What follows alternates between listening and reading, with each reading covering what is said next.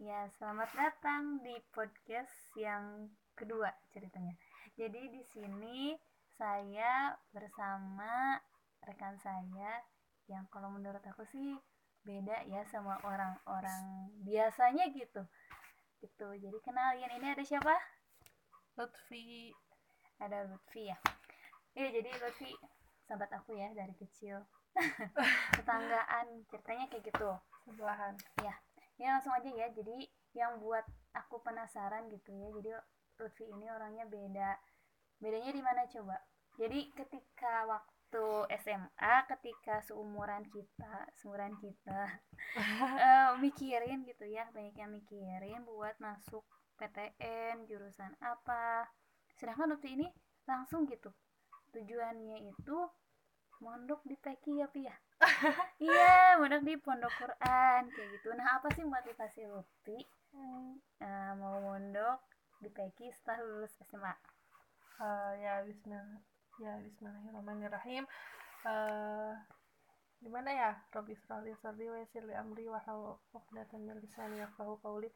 Ya pertama-tama saya ucapkan terima kasih kepada teman saya sahabat saya eh, yang sudah apa ya memperkenankan eh, saya berbicara di sini gitu. Gak usah saya ya formal.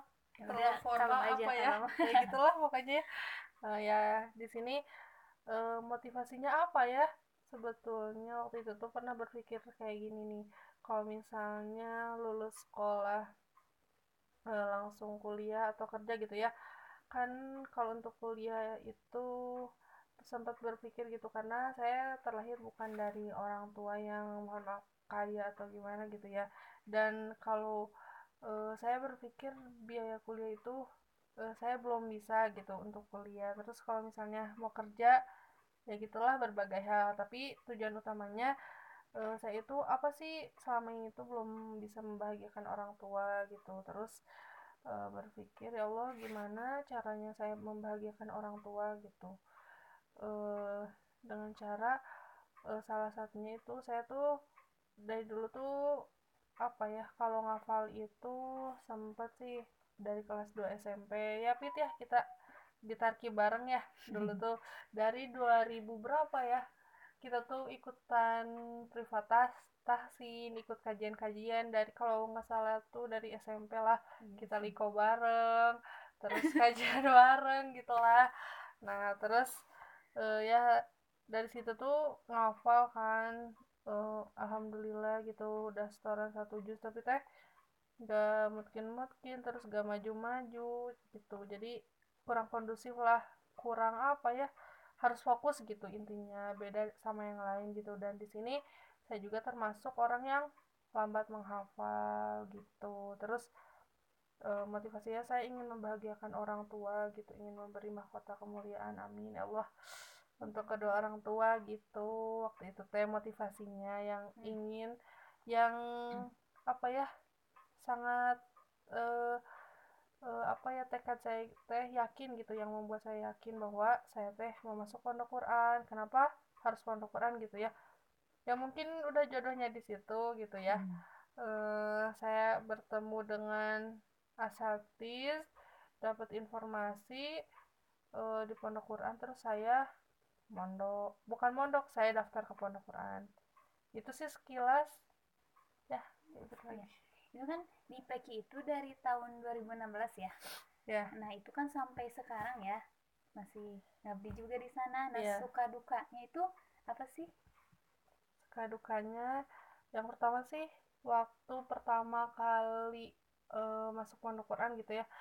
Eh, waktu dites itu kan dites surat as-sofat gitu ya sehalaman. Ya Allah itu teh masya Allah susah pisan. Ngelihat orang lain teh udah store sehalaman tuh ya selama seharian. Saya teh nggak dapat dapat gitu cuman dua ayat gitu.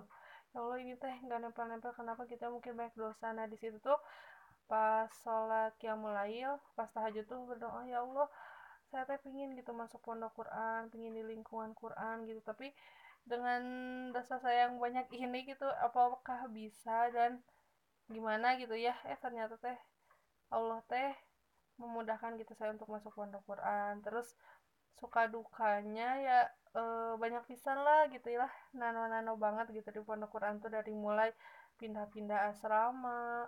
Terus uh, saya sempat selama dua bulan eh apa empat bulan ya? Lupa. Berapa bulan itu nggak ada musyrifah musyrifah itu yang nerima setoran gitu. Hmm. jadi selama itu tuh kita tuh bukan nggak ngafal ngafal sih tapi nggak di storin ya nggak ada gurunya gitu kan. Kalau salah satu syarat penghafal itu ada gurunya gitu ada yang menerima setoran suka dukanya. Terus sempet uh, apa nggak ada idam gitu nggak ada makan. Karena kita juga ya dipasok dari donatur gitu ya. Jadi sempet gitu ngalamin kayak gitu. Tapi ke di situ juga hikmahnya kita tuh sering-sering puasa Daud gitu. Terus e, kalau sukanya bahagianya tuh alhamdulillah gitu dipertemukan dengan orang-orang yang soli gitu. Karena kalau kita tinggal di lingkungan yang baik gitu ya uh, insya Allah gitu secara tidak langsung kayak ada magnet kayak ada magnet gitulah gitu. Jadi kita teh uh, mau gak mau uh, berusaha untuk ikhlas ikut gitu mengikuti apa aturan di dalamnya gitu bahagianya tuh. Terus 24 jam tuh alhamdulillah gitu bersama Quran. Jadi ada yang misalnya tidur tuh ada yang pada isya udah tidur. Dia teh jam 12 malam kia mulai sampai subuh dia ngetidur tidur lagi gitu. Murojaah entah ziyadah entah tilawah gitu. Ada juga yang begadang sampai jam 12 nanti dia tidur bangun lagi jam 3 gitu masya Allah gitu. Ya bahagianya gitu mungkin dan banyak lagi gitu hikmahnya gitu ya terus ini nih sebenarnya lebih apa ya agak tertarik gitu ya tentang yang menghafalkan kemampuan orang untuk menghafal itu kan beda-beda ya. Mm-hmm. Nah, selain kemampuan juga kadang iman juga berpengaruh. Kadang yeah. kan iya. futur Betul. kayak gitu. Nah, kiat supaya istiqomah gitu bisa menghafal Al-Qur'an sampai insya Allah jadi hafizah gitu ya. nah, itu kiat-kiatnya apa aja nih? Nah, apa ya kalau misalnya futur gitu ya itu mah mungkin manusiawi ya. Saya juga bukan pernah gitu sering mengalami itu gitu kadang kalau misalnya ayat-ayatnya yang sulit gitu sering nangis gitu ya Allah saking banyaknya dosa mungkin ya jadi hafalan teh masuk-masuk walaupun satu ayat gitu jadi nggak fokus aja. Terus kiat-kiatnya mungkin apa ya? Saya juga mungkin sampai detik ini belum menemukan apa ya yang gimana gitu ya trik tips-tipsnya. Tapi yang sudah dialami mungkin uh, ingat mati gitu ya. Karena kalau misalnya lagi ngafal gitu ya kata Ustadz juga pernah bilang misalnya kita teh ngafal kan menghafal terus aja menghafal gitu walaupun tak hafal-hafal gitu. Saya juga pernah satu hari bahkan sepekan tuh cuma dapat padahal di asrama gitu ya karantina 24 jam sama Quran kadang sepekan tuh cuma dapat dua halaman gitu. Jadi terus aja eh diulang-ulang. Jadi misalnya satu halaman nih nggak nempel-nempel terus aja dibaca. Dibaca sehalaman itu saya pernah sehalaman itu 100 kali.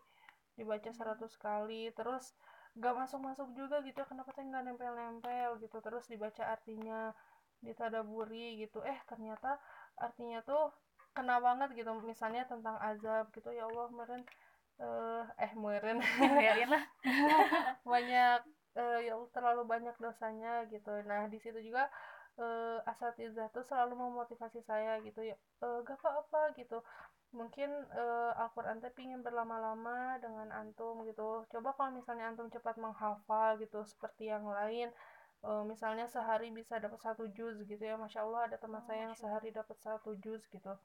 Selama kurang dari satu bulan dia selesai hafalannya. Hmm.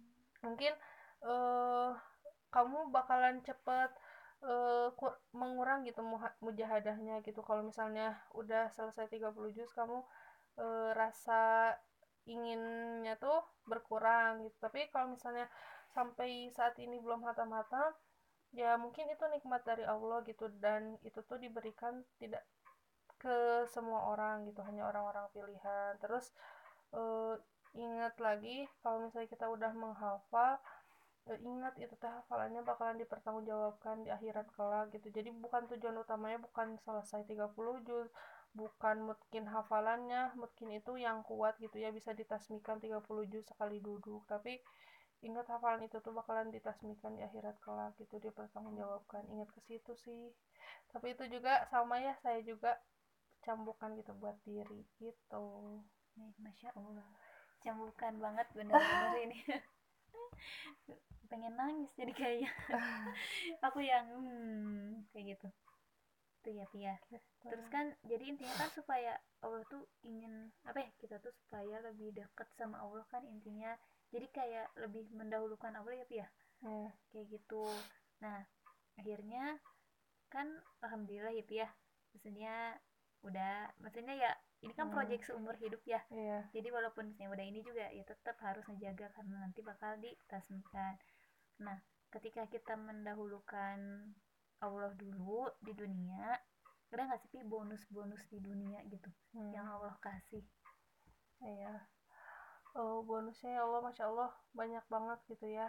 Eh, salah satu contohnya, eh kadang Ustadz tuh pernah cerita gitu ya, so kalian kalau misalnya tujuan utamanya Allah, apa pun yang kalian inginkan, insya Allah Allah kabulin gitu. Dan waktunya juga eh, bisa jadi Allah percepat gitu pengabulannya. Contohnya kadang saya tuh ingin sesuatu gitu ya, padahal belum minta ke Allah gitu. Belum misalnya berdoa, ya Allah, anaknya pingin ini, pingin ini gitu. Belum baru terbesit di dalam hati gitu ya e, pernah sekali waktu sama Allah teh langsung didatangkan gitu besok padahal baru di dalam hati gitu itu tuh bonus-bonus di dunianya gitu terus saya juga pernah berpikir Allah saya teh ini teh ngafal gitu ya E, udah tiga tahun orang lain tiga tahun udah skripsi mungkin ya gitu. Terus e, Ustadz tuh pernah bilang e, kalian jangan berpikir ke sana gitu luruskan niat terus gitu. Insya Allah kalau dunia dunia mah ngikutin gitu dan eh, hikmahnya bonusnya dari Allah secara tidak langsung saya eh, masuk da- kata Ustadz silahkan kuliah gitu. Dan kuliah terus Allah mudahkannya teh eh, sama kampusnya dikasih beasiswa 50% gitu alhamdulillah gitu ya rezekinya. Terus saya teh eh, berpikir juga eh, kuliah nggak ya? Gitu kan belum punya kendaraan terus nggak mungkin kan pakai fasilitas pondok terus gitu. Karena ini mah kuliah mah lebih ke kepentingan pribadi gitu. Terus sama Allah teh dimud tapi aku teh nggak mau nyicil ke dealer gitu ya waktu itu tuh. Berpikir gitu gitu takut riba terus sama Allah teh dimudahin sok eh Ustaz eh, di sini beli motor silakan eh, cicilnya ke pondok gitu. Dari uang saku yang dikasih sama pondok gitu. Allah teh mudahin gitu ya. Jadi saya teh berpikir gak mau gitu apa beli mot orang tua mah mungkin bukan belum bisa sih. Ya gitulah gitulah. Nah insya Allah sama Allah teh dikasih gitu. Dengan kontan kuliah langsung dikasih motor langsung gitu.